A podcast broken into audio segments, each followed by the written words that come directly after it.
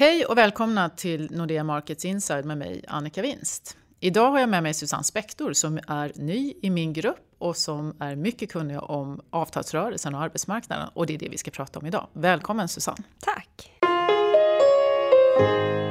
Ja, vi är inne i en stor avtalsrörelse. Det är drygt en miljon människor som ska få nya avtal nu den 31 mars. Och tar man för helåret så är det nästan 2,5 miljon som ska få nya avtal. Vi har en stark konjunktur och en stark arbetsmarknad. Nästan överhettning. Vad är din bedömning att avtalen landar på? Hur långa blir avtalen den här gången? Eh, min bedömning är att det blir ettåriga avtal på samma nivå som förra året. Som är? Som är 2,2 procent. Och det beror ju delvis på att industrin är den som sätter märket och vi ser att det går inte lika bra i industrin som i andra delar av ekonomin. Nej, och varför blir det bara ettåriga avtal? Det börjar ju diskuteras som treåriga avtal. Är det uteslutet? Det är inte uteslutet, men huvudscenariot tycker jag fortfarande är ettåriga avtal. Och det beror ju dels på det, att parterna säger att det ska vara rätt nivå. Och jag tror att de står ganska långt ifrån varandra och på tre års sikt så finns det rätt stor osäkerhet om vart den ekonomiska utvecklingen kommer ta vägen. Så om det blir treåriga avtal så borde det bli låga avtal då, eller? Ja, jag tror att det blir ganska låga avtal om det blir på tre år. Att arbetsgivarna kommer definitivt inte vilja teckna höga treåriga avtal med den osäkerhet som finns i världen. Å andra sidan vill facken låsa in sig i treårsavtal som är låga. Nej, precis. Och det är därför som jag tror att det blir ett år den här gången också. Mm, mm. Ja, eh, för marknaden, finansmarknaderna så är ju inte själva avtalen det som är det viktigaste utan vi är intresserade av avtalsrörelsen för att det påverkar inflationen och för att det påverkar Riksbanken. Och lönerna ingår ju inte direkt i inflationsmåttet KPI men indirekt är det ju väldigt viktigt. Allt vi konsumerar har ju någon producerat, tänkt ut, någon står för fastigheten och transporterar och så vidare. Historiskt har det varit så att man behöver löneökningar på nästan 4-4,5 för att komma upp till inflationsmålet på 2% Hur ser du på det? Ja, om det blir som vi tror med 2,2 i avtal och ganska låg löneglidning eh, ur ett historiskt perspektiv så kommer det ju bli svårt för Riksbanken att nå uthålligt 2% inflation på, på sikt. Så det innebär förmodligen att den mjuka hållningen eh, förlängs. Och här är det lite hönan och ägget. Eh, Parterna vet inte om de kan lita på 2% inflation när de tecknar avtalen och därför ligger de eh, lägre än de har gjort historiskt. Och Riksbanken behöver samtidigt få, få upp löneökningarna och här är det svårt att se vem som ska gå först. Mm, men om vi nu har en så stark arbetsmarknad med höga bristtal inom många sektorer, varför blir inte löneglidningen större då? Min tolkning är att vi kanske överskattar löneutrymmet eh, om det vore så att de här sektorerna kände att det vore bättre för oss att sätta högre löner så borde de ju göra det. Och jag tror att det är svårt att hitta rätt kompetens och sen så är konkurrensen också hård. Det är svårt att höja priserna även om det är väldigt viktigt att hitta personal. Mm. Och någonstans så behöver man ju kunna hitta. Det är inte säkert att man kan anställa någon för dubbla lönen bara för att det är brist. Nej. Vår eh, kollega Andreas Wallström har ju skrivit en rapport om det, Drömmen om löneökningar, som menar att HOG som ligger på nätet, som man kan läsa mer om det här, där, det, där den indikerar att konjunkturen har inte så stor betydelse för löneökningarna. Nej, och det är det flera som har visat, eh, bland annat Arbetsmarknadsekonomiska rådet också. Och det som var intressant i deras rapport är att det är inflationen som har störst effekt på löneglidningen. Mm. Och den är låg. Precis, den är låg. Så att jag tror att om inte inflationen av andra faktorer än lönerna kommer upp så kommer vi se låga löneökningar under ganska lång tid framöver. Du har ju varit länge i den här världen och haft eh, kontakter både med facken och arbetsgivaren. Vad är de största utmaningarna för facken respektive arbetsgivaren? Vad är de mest oroliga för? Vad är triggern liksom i, i diskussionerna? Ser man till industrin så är både facken och arbetsgivarna oroliga över att eh, industrin minskar i Sverige och att den hårda konkurrensen. Ser man på hemmamarknad, eller liksom med hemmamarknaderna så upplever ju eh, arbetsgivarna en ganska liksom svag produktivitetsutveckling som har gjort att de har tyckt att eh, kostnadsläget har varit högt. Medan facken väl tycker tycker att vi borde ta ut mer av den här starka arbetsmarknaden. Men att man ändå ser värdet av att försöka hålla ihop på båda sidorna just nu. Mm. Eh, kommer industrin fortsätta att vara lönenormerande i Sverige då, om de tappar i sysselsättning och som andel av BNP-produktion? Ja, men jag tror att de kommer fortsätta åtminstone ett tag till. Dels för att den modell som vi har haft sedan 1997 har varit bra för Sverige. Vi har ju sett reallöneökningar, alltså den lön man har kvar efter inflationen, på 60 procent de senaste 20 åren och det är ju helt världsunik. Så alla ser ju ett värde i det, som vi har haft eh, och jag tror också, än så länge har ändå löneutrymmet varit större inom industrin industrin.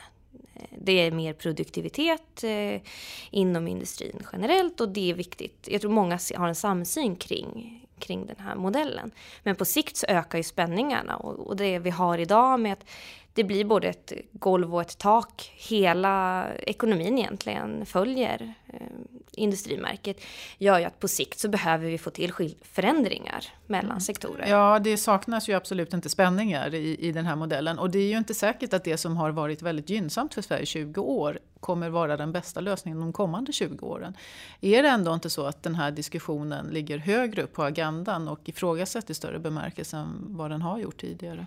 Eh, bland ekonomer så tycker jag att det har kommit upp på senare tid. Medan inom eh, fack och arbetsgivarvärlden så eh, har diskussionen snarare mattats av.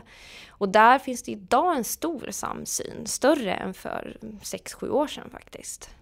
Mm, det är frågan om man ska vara glad över. Det ja, sker ju ändå strukturförändringar i ekonomin som man kan behöva påpassa. Å andra sidan kan man ju fråga sig, finns det någon annan del av ekonomin som vill ta över märket? Precis. Ansvaret för det. Precis, och jag tror att det kanske är lite som det här med demokrati. Det är ingen som har ett bättre system även om man ser problemen här så finns det ingen eh, som hittills har presenterat någonting som har varit attraktivt Nej. som ett alternativt system. Och man är nog bränd från tiden innan industrimärket då löneökningarna blev väldigt höga utan att eh, löntagarna fick mer i plånboken efter inflation och Mm. Nej men det är ju som du säger, det har tjänat Sverige väldigt väl. Och eh, det gäller att hitta en struktur som tjänar oss väl i framtiden också. Men det sker ju väldigt mycket i eh, svensk produktion och industrieran är över, skrev vi i en rapport för inte särskilt länge sedan. Eh, vi har digitalisering och robotisering och så vidare. Väldigt många människor är oroliga för att förlora sina jobb. Och det är ju ett skäl till att USA och Storbritannien har röstat som, som de har gjort. Vad säger du om det? Hur ska man hantera det här? Jag tror ju att den här rädslan för att eh, arbetsmarknaden förändras är överdriven. Mm. Om vi ser på vad som har hänt i Sverige de senaste 12 åren så har vi haft en, en ganska stor strukturomvandling. För 12 år sedan så var en tredjedel av arbetsmarknaden att beteckna som högkvalificerad. Idag är det hälften.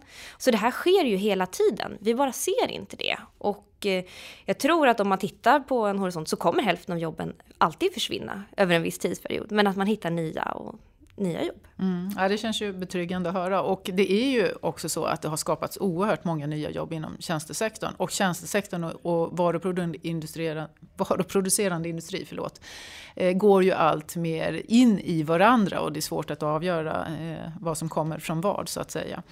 Men det, det pratas ju precis som du säger om högkvalificerade jobb och det efterfrågas. Och det pratas mycket om utbildning och självklart är utbildning nummer ett för att vi ska anpassa oss till de förändringar som sker och man måste hjälpa människor att ta de här sprången att gå vidare.